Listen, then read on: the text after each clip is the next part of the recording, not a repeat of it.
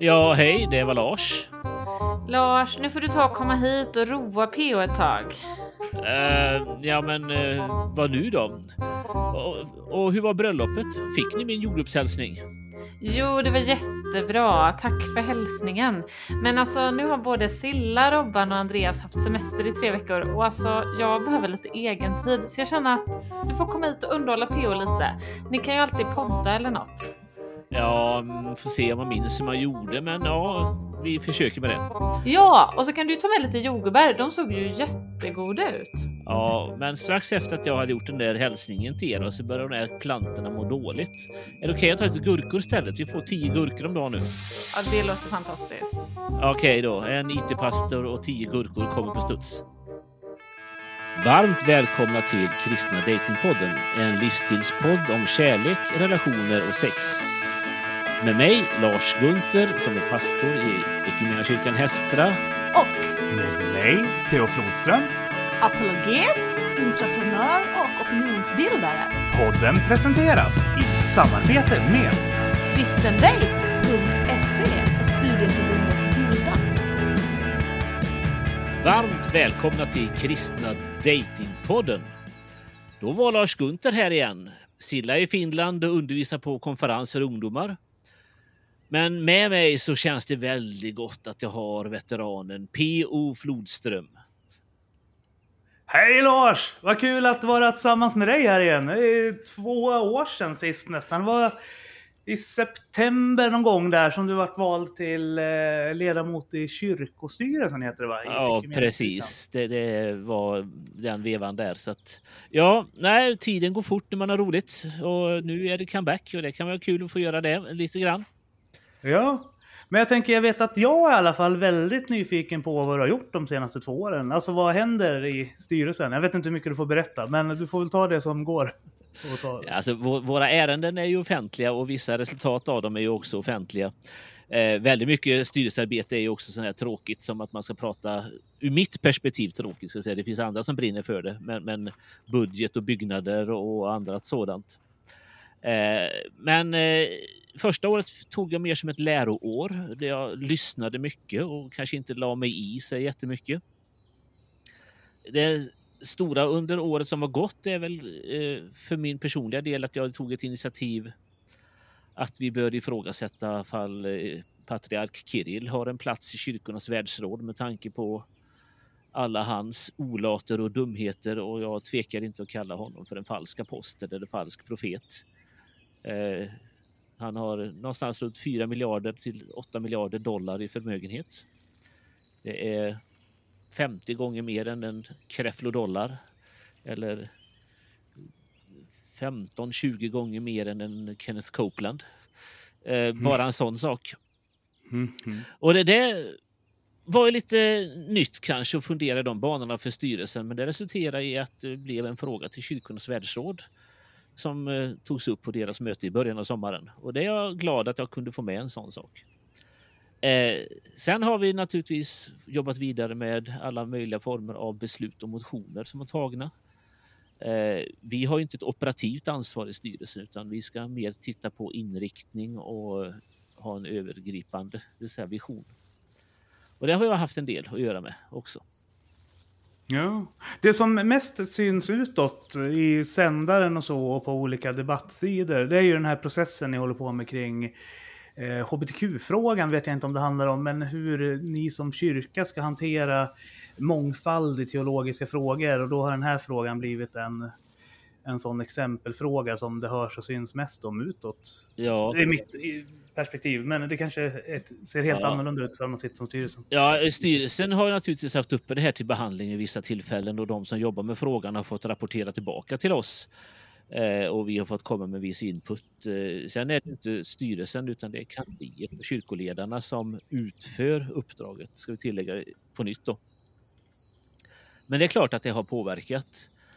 Eh, och i ärlighetens namn ska jag också säga att eh, det, det, är kanske lite fel att säga HBTQ för vi är väldigt lite inne i bokstaven Q.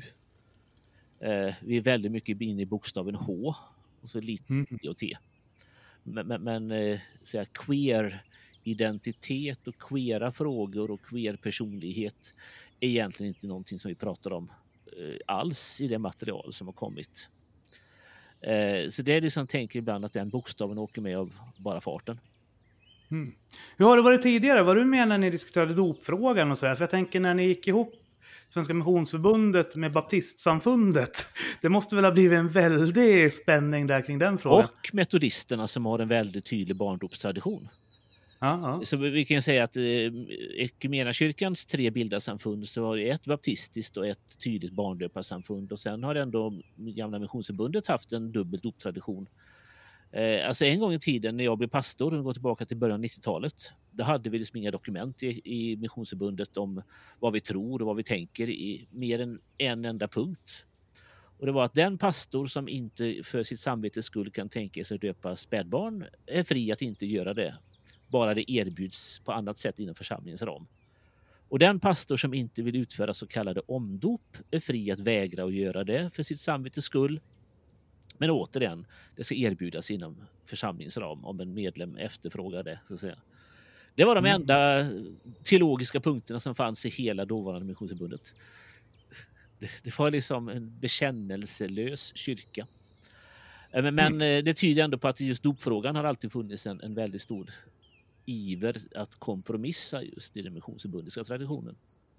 Ja. Och det ska sägas att till och med när Missionsförbundet bildades på 1870-talets slut så gick det ut en trevare till dåvarande baptistsamfundet och sa Vi välkomnar baptister. Vill du vara med som en baptist så får du gärna vara det.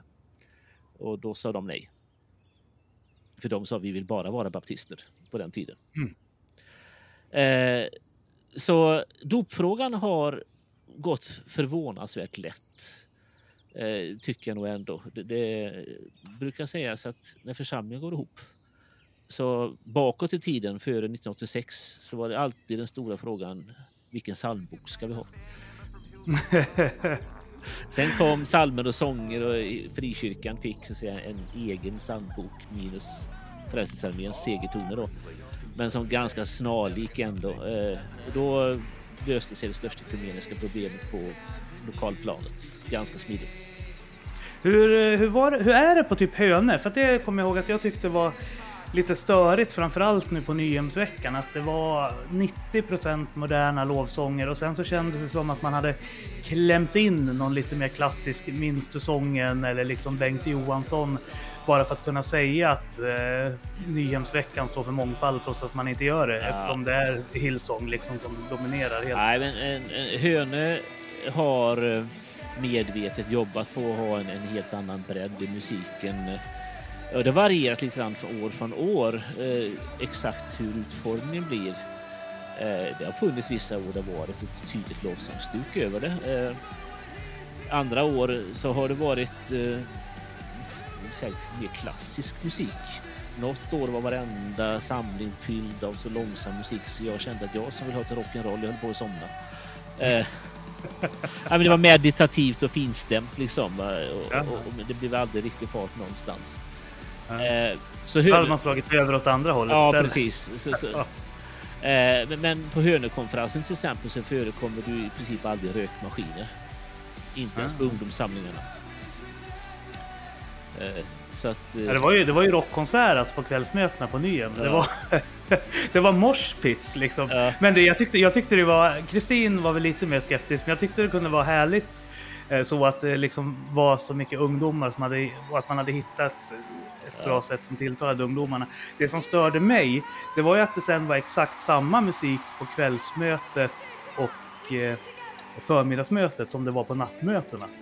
För det är en grej ifall man liksom kör det här dunka-dunka-grejerna när det är liksom kidsen och tonårsgrejen. Men när det sen ska tvingas på resten av eh, generationerna, då, jag tycker det är störigt ja. beteende från pingstsamfundet. Eh, vi, vi, vet ju nu att nu har vi fört det här ämnet med modern lovsång på tal, så det är det enda folk kommer prata om efter det här avsnittet eftersom det är frikyrklighetens största cykelställsfråga där alla har en åsikt. Men, men, men visst, också jag är en anhängare av bredd i det här sammanhanget. Och, och, eh, en förebild för mig så säger jag det är David Pitches som var en av de två grundarna av New Wine-rörelsen när den bildades på 90-talet. Eh, jag besökte den församling där han var kyrkoherde, eller Shorewood, utanför London. På 80-talet faktiskt. 88 var jag där. Då hade de tre gudstjänster varje söndag, för de hade folk till det. En när väckelsen kom så att säga, till samhället så, så räckte inte en gudstjänst till. Det var en ganska traditionell anglikansk förmiddagsgudstjänst på söndag förmiddag. Sen var det en lite mittemellan gudstjänst och sen var det en väldigt, med dåtidens mått mätt, modern lovsångsinriktad kvällsgudstjänst där man inte hade på sig några liturgiska kläder utan betedde sig som de Vineyard-influerade människor man var då liksom, med liksom, t-shirts och skjortor och, och, och, utan slips och så vidare. Eh, och jag tror att det gjorde väldigt mycket för att man kunde känna att eh, ledarskapet i församlingen hade fokus på alla tre. Ledarskapet i församlingen gjorde så att säga inte den ena typen av gudstjänst. Ja, vi måste göra något för de gamla stofilerna då eller mm. alltså, utan att det fanns liksom en, en förståelse och satsning. Och det tror jag också ledde till att den moderna lovsångsgudstjänsten på kvällen fick en mycket större acceptans. Mm, mm. För det, den, den blev liksom inte ett hot för de andra. Mm. Och det har jag tagit med mig och, tycker att eh, den dagen jag har så mycket folk som kommer med gudstjänst att jag har tre olika så blir det nog så. Jo, men alltså, men ni då mycket mer har ni lyckats hitta den här mångfalden mycket bättre än vad jag uppfattar att Pingsamfundet har gjort, där man liksom bara har gått all in åt ena hållet? Med risk då för att göra pingsten arga på mig så tänker jag att pingst är lite mer så att man som rörelse springer på den senaste eh, grejen. Alltså, eh, man, man, är snabbare på att springa på, på det som dyker upp. Och ifall det är Hillsong eller ifall det är någonting annat så, så är rörelsen ganska snabbmobiliserad för att liksom ta till sig det här sättet att tänka och vara. Eh, och på gott och ont. Alltså ibland är det naturligtvis så att det kan leda till att rörelsen också är på alerten och, och, och gör bra saker.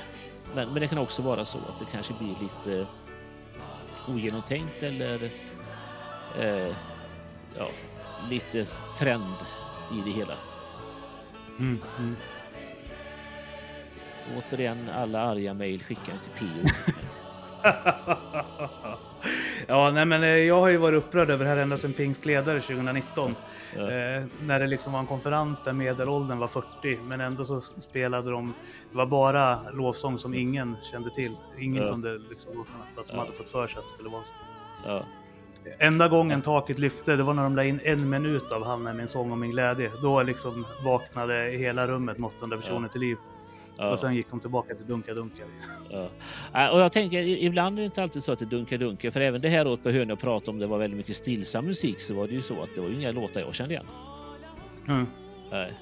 Eh, och, och eh, jag tänker eh, men i takt med att vi får bättre lovsångsledare rent musikaliskt så kanske man ibland också tappar kontakten med att vi vanliga människor, vi är inte så bra på att sjunga när det blir mycket pauser och synkoper. Alltså, gamla enklare lovsånger är faktiskt lättare att sjunga med än många av de nya för de, de är för musikaliskt avancerade för mig. Mm, mm, mm.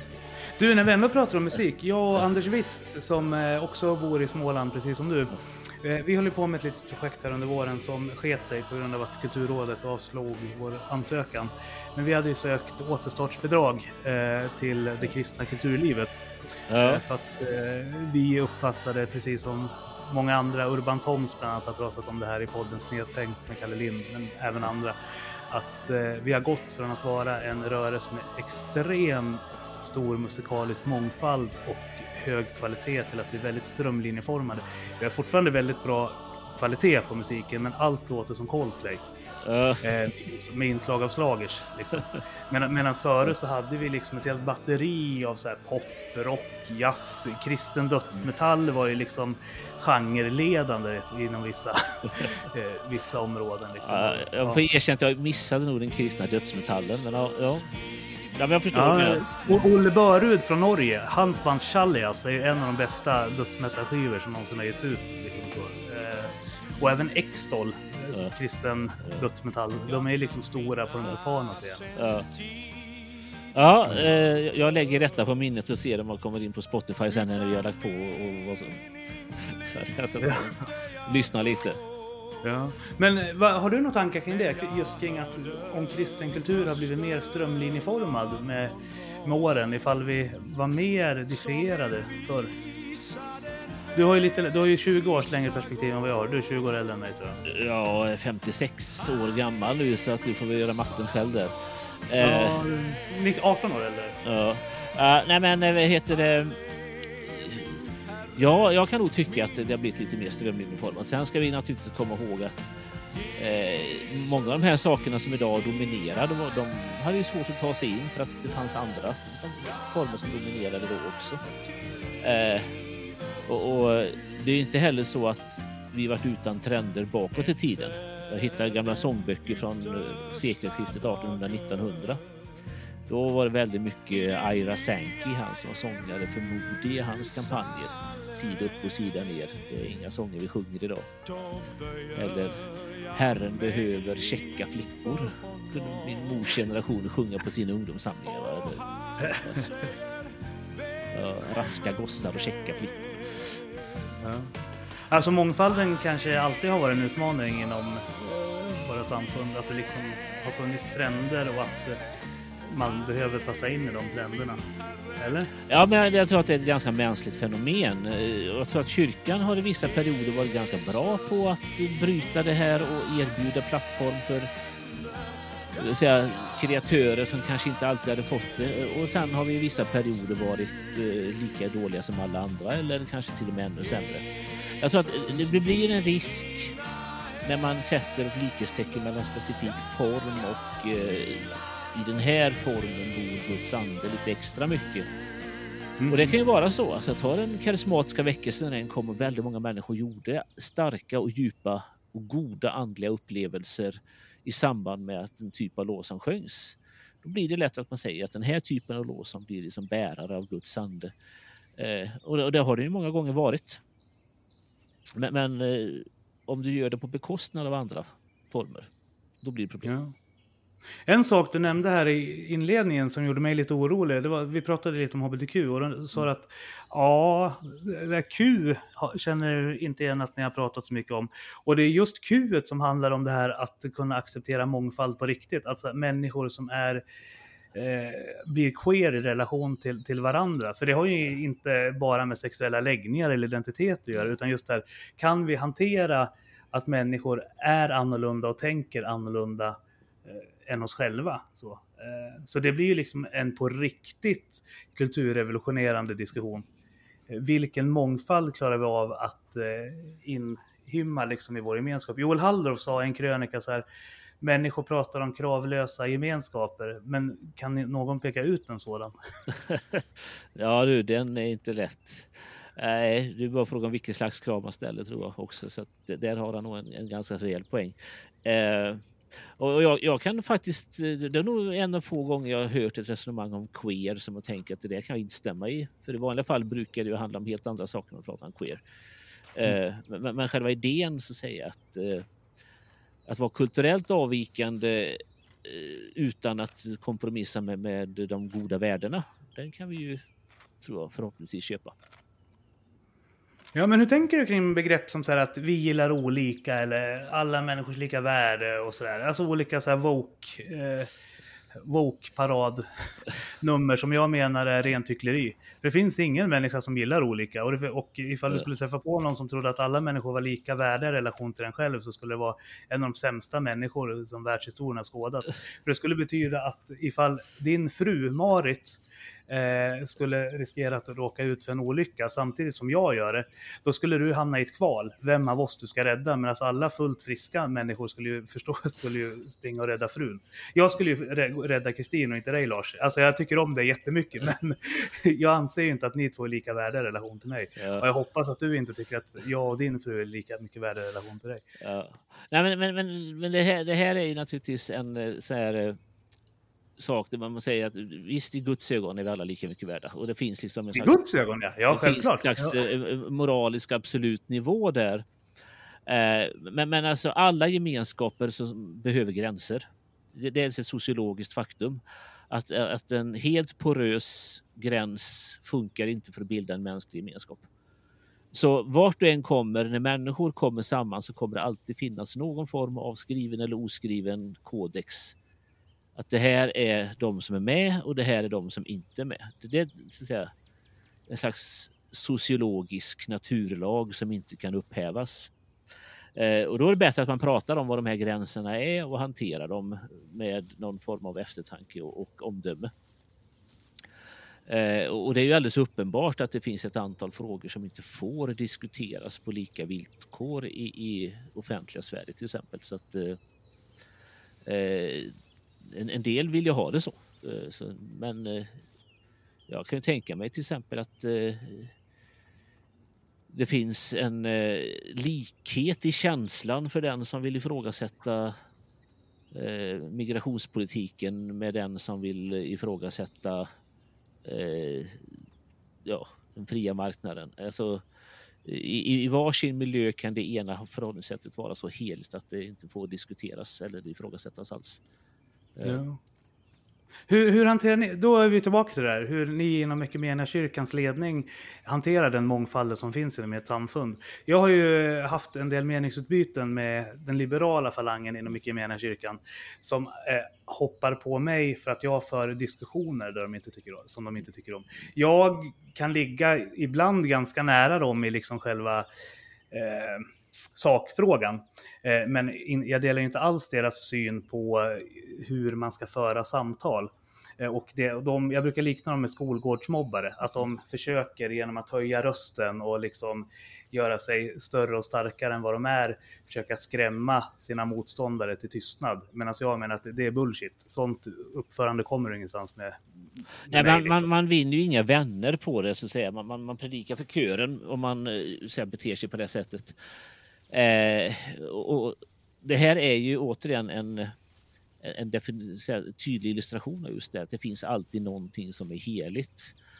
Eh, Jonas Gardell hade en artikel för, förra sommaren i Expressen där han talade om att det inte fanns någonting som hette omvändelse i den kristna tron. Det var en intressant variant av kristendomstolkning överhuvudtaget. Men det är ganska uppenbart att han samtidigt uppmanar till omvändelse för de som inte tycker som han tänker fel. Mm, mm. Och omvändelse handlar åtminstone delvis om att förändra sitt sinne och börja tänka i andra banor. Mm. Eh, sen, sen, kan omvändelse ha andra dimensioner också.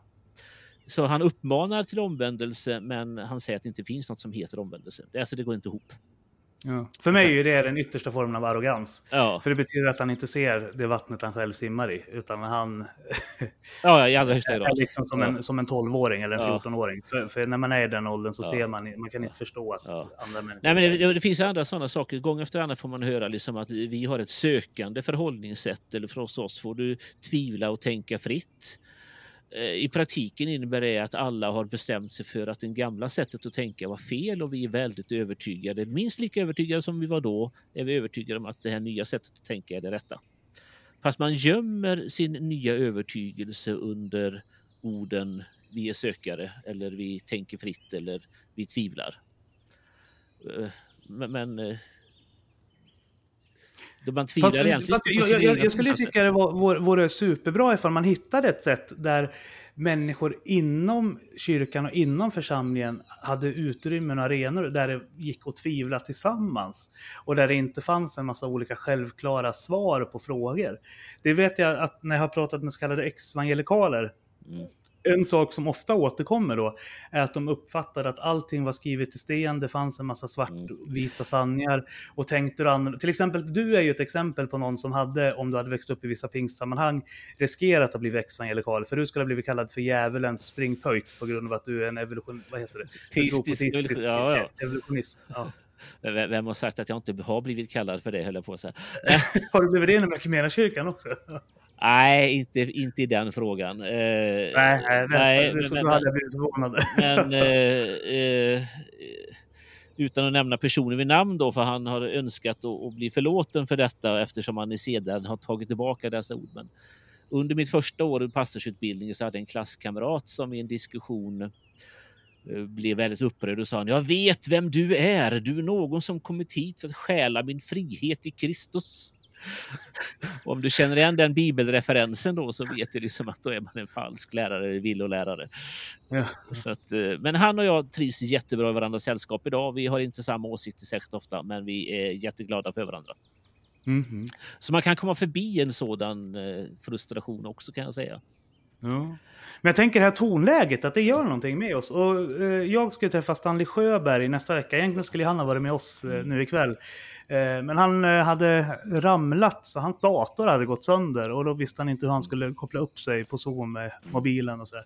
Så att jag åker hem till honom istället. Ja. Men med honom kommer vi prata om det här med mobbning i helgade hyddor. Eh, och jag tänker att det har väl du lite erfarenhet också då? Eller det tänker jag mig att alla som har varit liksom verksamma inom samfundsvärlden har erfarenhet av. Alltså hur otrevlig tonen kan bli syskon emellan ibland.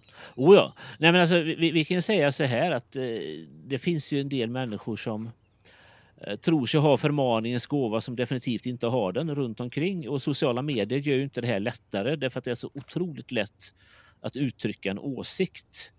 Eh, jag brukar ibland försöka be den bönen, gode Gud hjälp mig att inte tycka till om allting jag ser och läser. Alltså hjälp mig att välja när min röst gör nytta och när min röst bara går in i bruset och mängden. Och, eh, det här är utan tvekan någonting som är ett problem både i den enskilda församlingsgemenskapen och eh, på sociala medier och med okända personer. Men eh, det finns så att säga, en myt ofta om att den ena sidan ser sig själv som den, den goda sidan. Och, och i samma ögonblick som du utropar dig själv till den goda sidan så har du också gett dig själv friutrymme att bete dig väldigt illa. Mm. För det är ju för en god sak. Mm. Och Dunning-Kruger, den effekten är ju extremt påtaglig i just det här sammanhanget. Att de som är mest enfaldiga och liksom mest binära i sitt sätt att tänka, de är mest övertygade om att de har fått förmaningens gåva. Medan människor som är lite mer ödmjuka och pålästa och har de här lite större perspektiven, har en ödmjukhet inför sina egna begränsningar, att veta någonting om en annan människas livssituation, så de blir mer försiktiga. Och så tänker jag att det är i många olika sociala sammanhang. Att den som är mest korkad är den som skriker högst oftast. Ja, och jag brukar säga att e, e, jag, jag gillar när ungdomar är snabba och tycker och uppför sig som ungdomar. Men en sak man letar efter med åren går och man ser att folk mognar, det är väl att man faktiskt kan se att eh, frågor kan rymma ett mått av komplexitet som man i ungdomens radikala år kanske inte alltid såg. Eh, vi kan ta ett annat exempel bara, alltså hur, hur det kan vara. Jag känner till en person som är, idag är han ledare för en av Sveriges absolut största församlingar.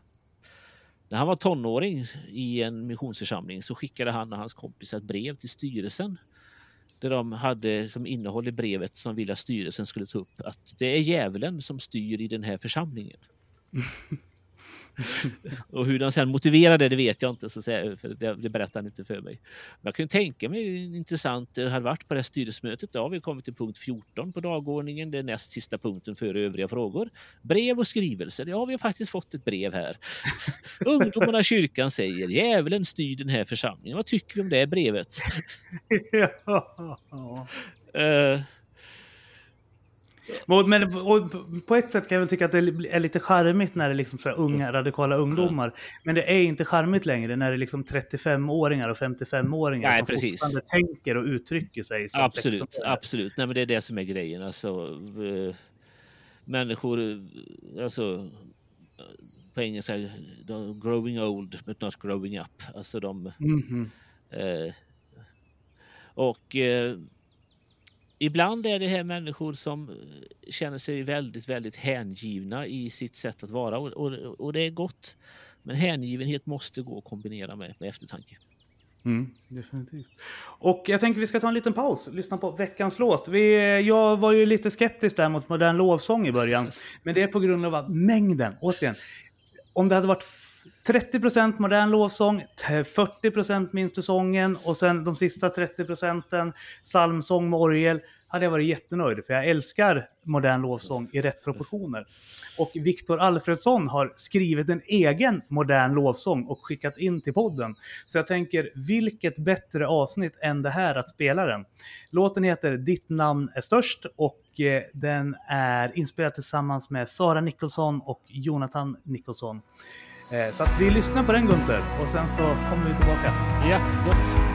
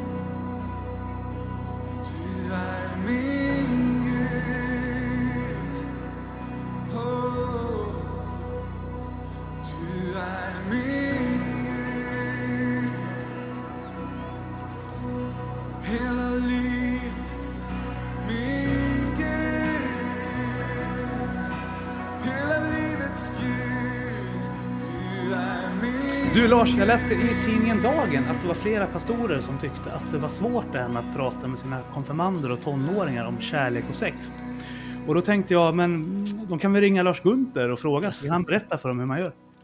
Jag, jag ska inte utmåla mig själv som någon större relationsexpert. Eh, det finns andra som Alf B Svensson och så vidare som, som gör bättre. Eh, men jag lärde mig för ganska många år sedan att eh, det är bättre att vara pang på rödbetan än att gå som katten runt het gröt. För att nu mixa mina metaforer fullständigt. Eh, alltså, de flesta av dem har raka och tydliga och enkla frågor och uppskattar raka svar. Eh, det är bättre att man säger vad man tycker och tänker och, och menar än att man eh, är rädd för att stöta sig med någon eller eh, i längden så, så är, är ärlighet det bästa som finns runt det här. Men jag tror att ett bekymmer är väl kanske att vi, vi har i min generation varit väldigt många som har fått ganska tydliga och enkla pekpinnar, alltså händerna på täcket och eh, som någon sa en gång på ett studium jag hörde, whatever turns you on, don't. Alltså blir du tänd av att titta på din flickvän, titta inte på henne. Blir du tänd av att hålla hennes hand, håll inte hennes hand. Alltså, det hade kanske funkat i ett, en kultur där man har resonemangsäktenskap och träffas på, för första gången i livet när man gifter sig. Eh, alltså, och så har vi liksom med rätta rört oss bort ifrån de här överdrivna pekpinnarna som eh, vi levde med. Och så tror vi på något vis att dagens tonåringar i kyrkan har samma sits. Men det har de inte. Alltså de, de, de är ju liksom helt utan vägledning och hjälp alls i många gånger. Eh, och det vi skulle behöva är eh, åtminstone något för dem att spänna sig mot. Alltså när, när våran kultur överöser oss med mängder av bilder av människor som säger att det är helt okej okay att ha sex på första dejten. Alltså, är det okej okay att ha sex utan att ens vara tillsammans? Eller, Eh, och då tänker inte jag så mycket på, på de här grova sakerna. De flesta fattar ändå att man ser, när man tänker efter så säger porrens värld och så vidare så är det inte riktigt äkta. Men, men eh, vänner, Seinfeld, lyssnar inte till min generation då, men alltså att man har sex med någon ganska så omgående, eh, man har sex med flera, det, liksom, eh, det, det ifrågasätts inte, det är, liksom, det är så självklart. Och så börjar man då titta på dem och så märker man ju att eh, trots allt detta så är det färre och färre som har sex i tidig ålder. Alltså en av de stora märkligheterna som ingen hade kunnat förutse när jag var 15. Det är att när jag är 50 så kommer sexualdebuten ha skjutits uppåt i ålder och inte neråt. Mm. Hade du sagt det till mig när jag gick i högstadiet på 70-talet Eh, då hade ju som alla skakat på huvudet. Det trodde ingen liksom att det skulle gå åt det hållet.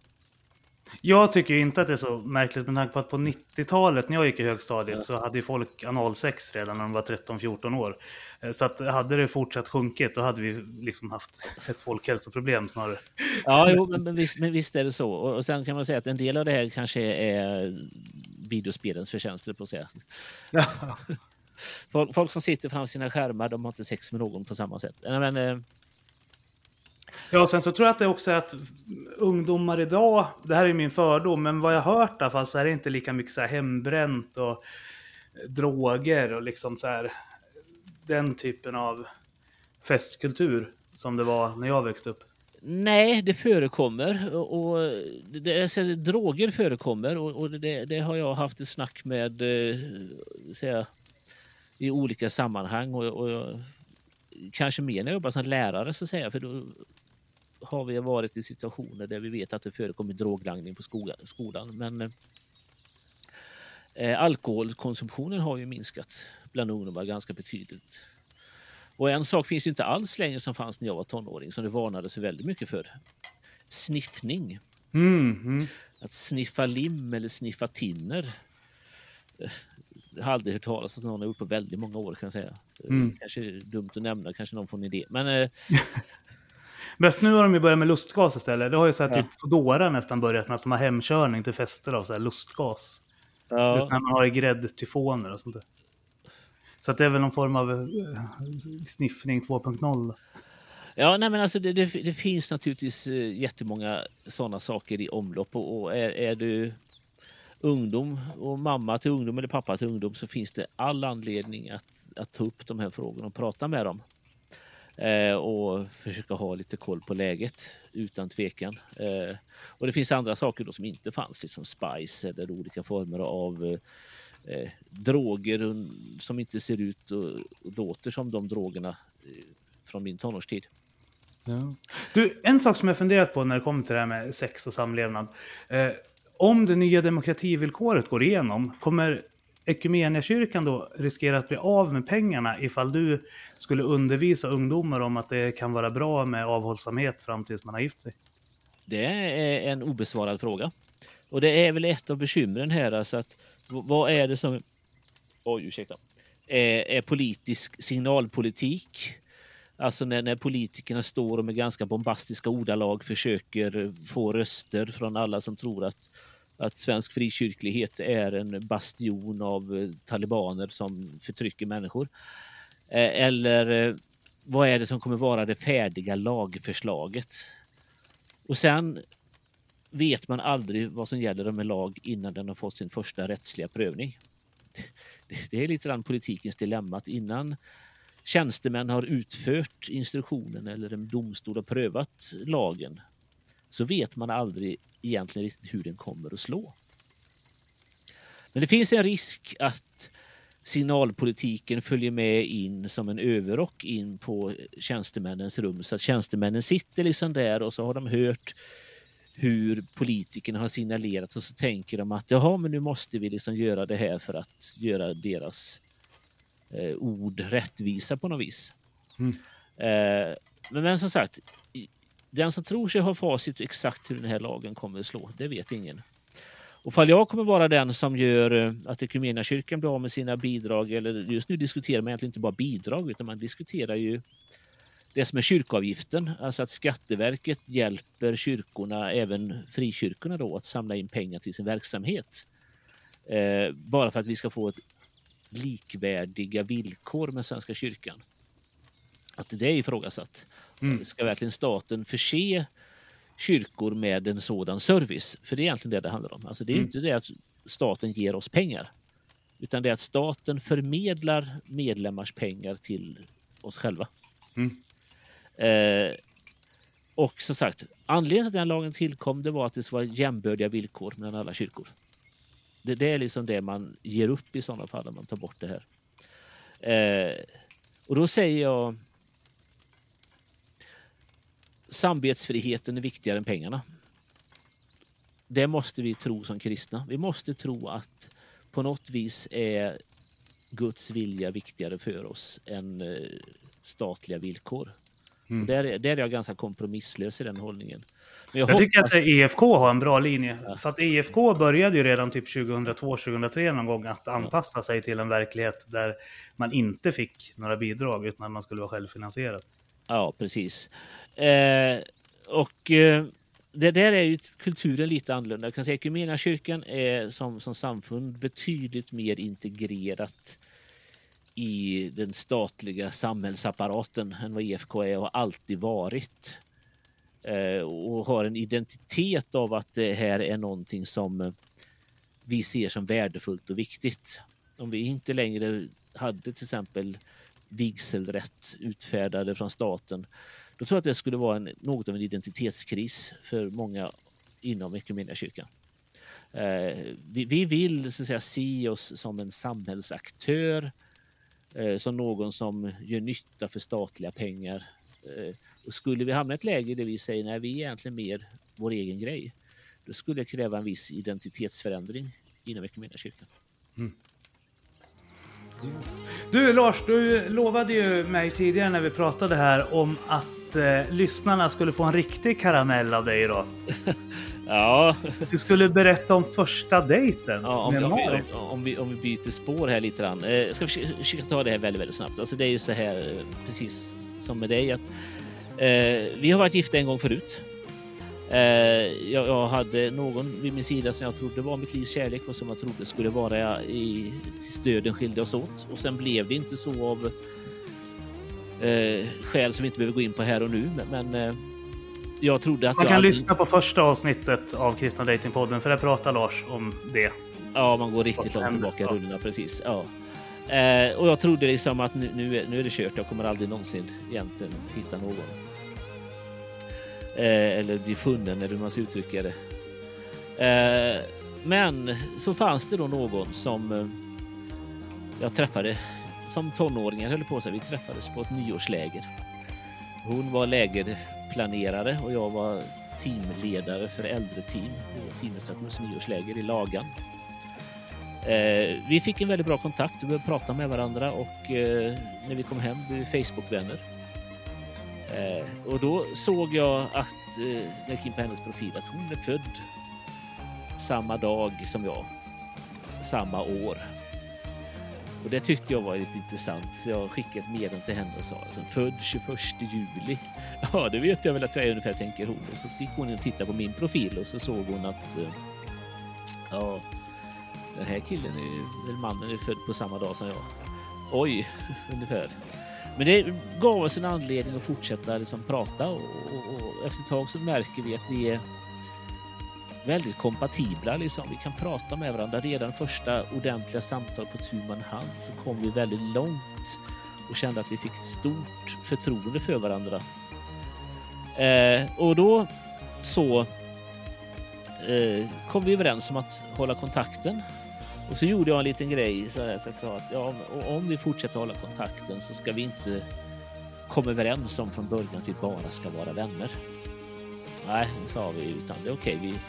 att bli tillsammans är så en möjlig fortsättning på den här relationen. Och så bokade vi ett datum för en första dejt en vecka senare. Men vi kunde inte hålla oss ifrån det här utan vi fortsatte prata redan nästa natt. Vi är båda nattugglor. Så vi pratades vid eh, natten igenom, sju, åtta timmar säkert. Och innan det samtalet var slut så hade vi nog kommit överens om att vi är pojkvän slash flickvän eller vad man nu kallar det i våran ålder. Som vi uttryckte det. Eh, att, att vi, vi faktiskt var så tydliga att vi hade de eh, känslorna för varandra och den viljan att vara tillsammans. Och då kom vi överens om att dagen därpå så ska jag träffas eh, min församling och vi, det var precis efter nyår, vi ska ha en 13-dagsfest. Det var Guntorps missionsförsamling som jobbade på den tiden. Eh, och eh, när den 13-dagsfesten var slut så skulle jag och Marit träffas. Eh, och till det här hör att vi, vi har på vägen fått ett intressant eh, med, med profetiska tilltal och eh, bönesvar och annat som har som väglett oss fram till den här situationen i livet. Så vi känner liksom att det kan ju faktiskt vara Gud i det här.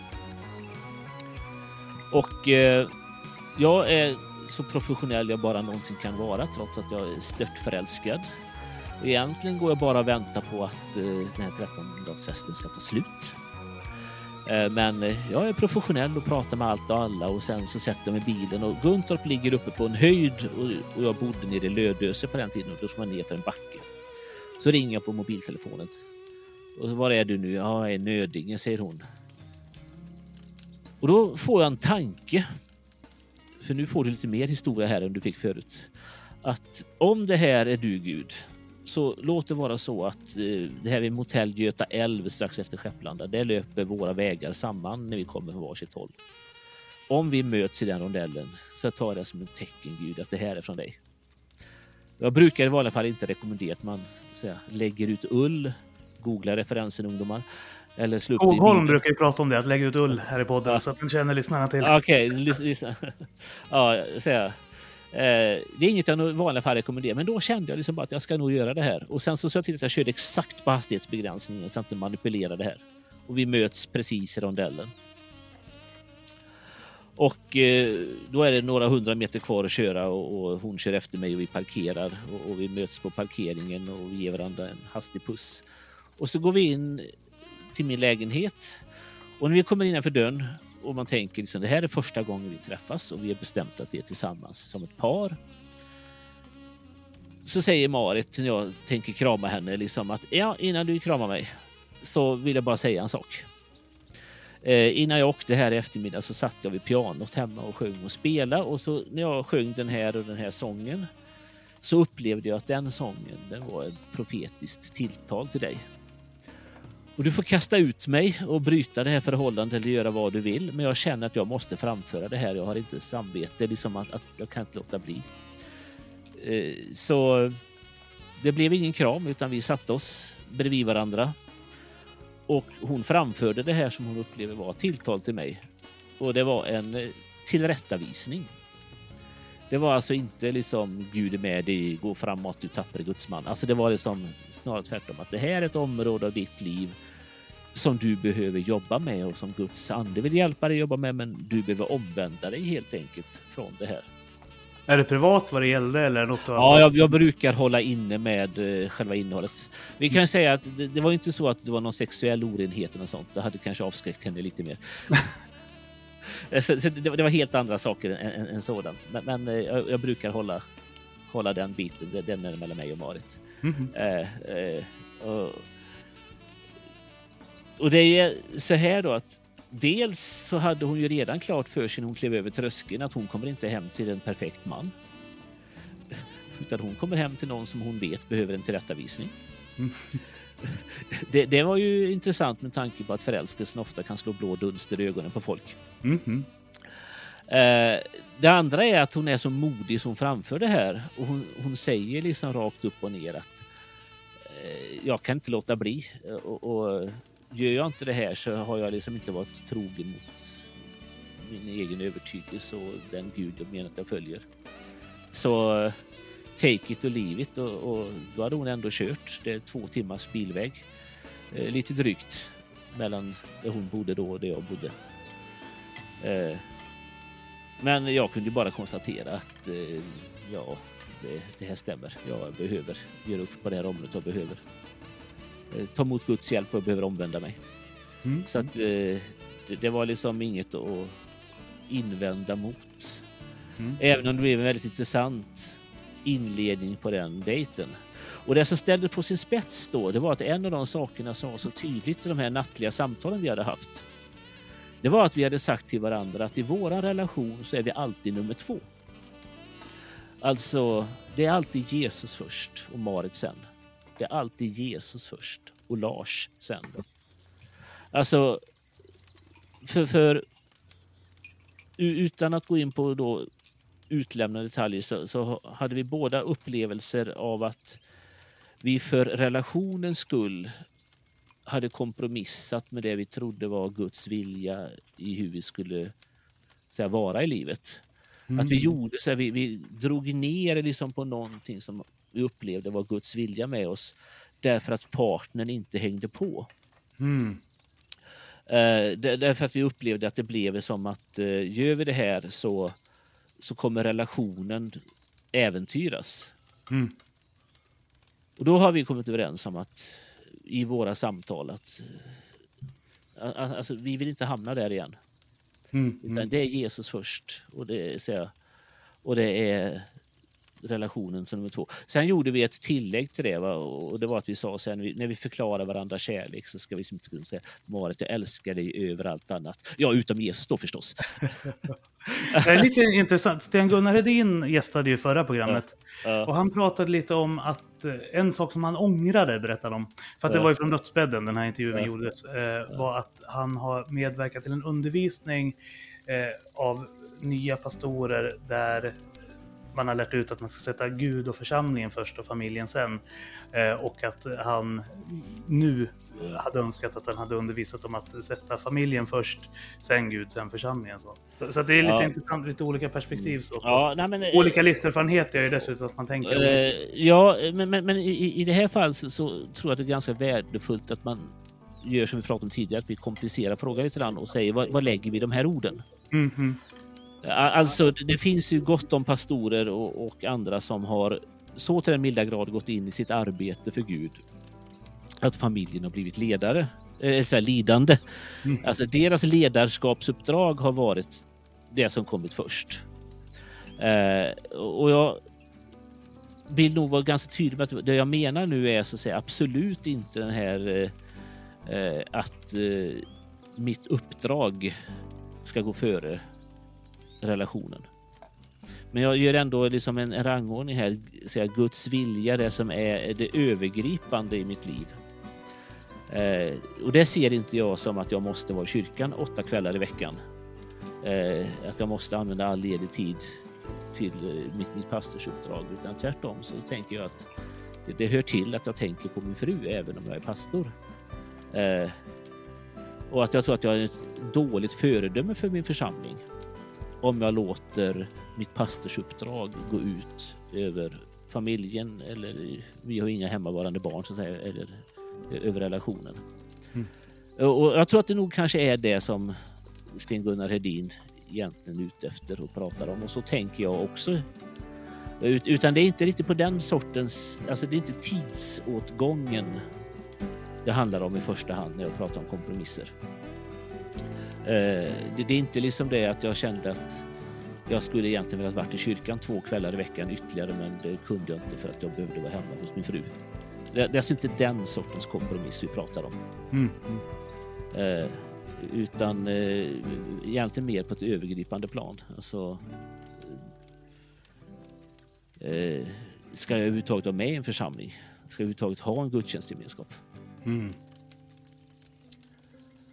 Ja, det, blir, det är ju därför jag, jag brukar ju rekommendera människor att inte dejta utanför församlingen, för jag tror inte att det blir bra.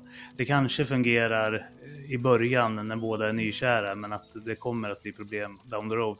Och det har att göra med mitt förra äktenskap, där båda var troende när vi träffades, men den andra liksom lämnade under processen och då gled vi längre och längre ifrån varandra. Mm.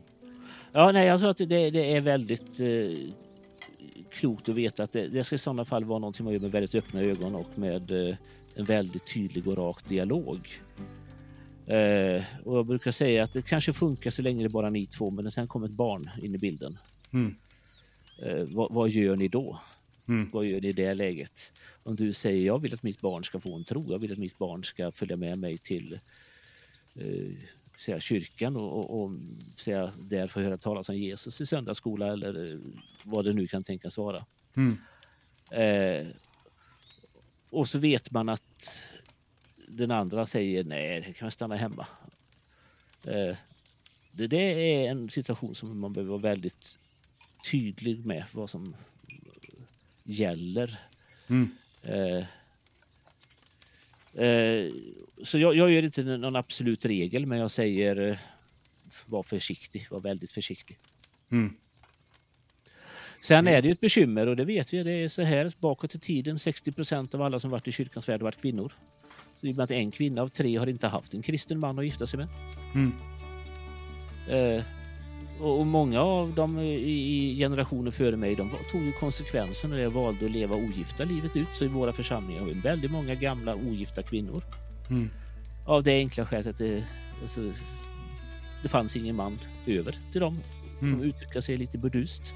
Ja, men min mamma och min farmor är ju två exempel på det. Ja. Min farmor är egentligen min mormors faster ifall ni undrar hur det gick ihop. Men, ja. ja. ja, precis. Och jag är adopterad, så att ja. ja. Mm. Yes. Nej men exakt.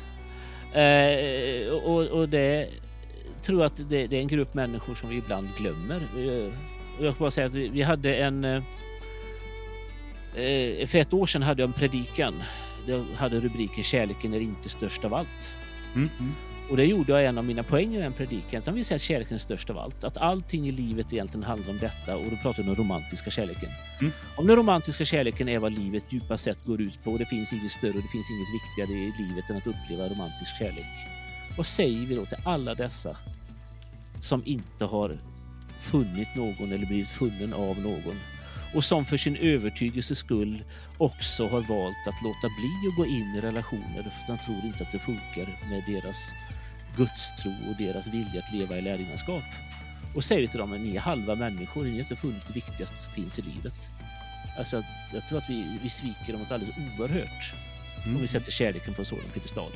Och den andra halvan av det eh, som gjorde då att jag och, och Marit resonerade som vi gjorde det är också så här att kärleken ska vara det som bär mitt livs djupaste lycka och den pratar jag återigen om den romantiska kärleken. Eh, och det som gör att jag är tillfredsställd på djupet och det som gör att, att jag, mitt liv har en identitet och mening. Då lägger jag ett otroligt ansvar på min partner.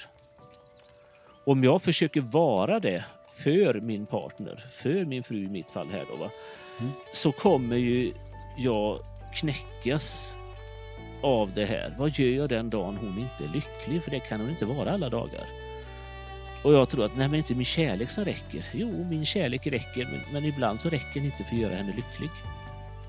Mm, mm. För att det finns annat här i livet som påverkar hur vi mår. Ja. Och om hon la på mig kravet så här, att så länge du älskar mig så borde jag vara lycklig. Och det behöver inte vara uttalat för det är det sällan, men säga, eller jag lägger det på mig själv. Då, då lägger vi en börda på oss själva och på varandra som gör att också våra förhållanden blir sämre. Så det är liksom i de banorna vi har resonerat jag och att jag nu har sagt att Gud kommer först av allt. Och sen fick den här profetiska tillrättavisningen bli en konsekvens egentligen av den här vägledande principen. Ja. Den där eh, predikan kanske vi ska prata mer om någon gång när Silla är med också. Det eh, vore lite ja. intressant att höra en diskussion mellan er kring just det här. om kärleken är störst av allt eller inte. ja. Ja, vi, vi, kan i alla fall konstatera så pass mycket att det är ett felaktigt citat att säga störst av allt. Det står störst bland dem. Mm, så mm. tro, hopp och kärlek. Dessa tre, men störst bland dem är kärleken. Mm, mm.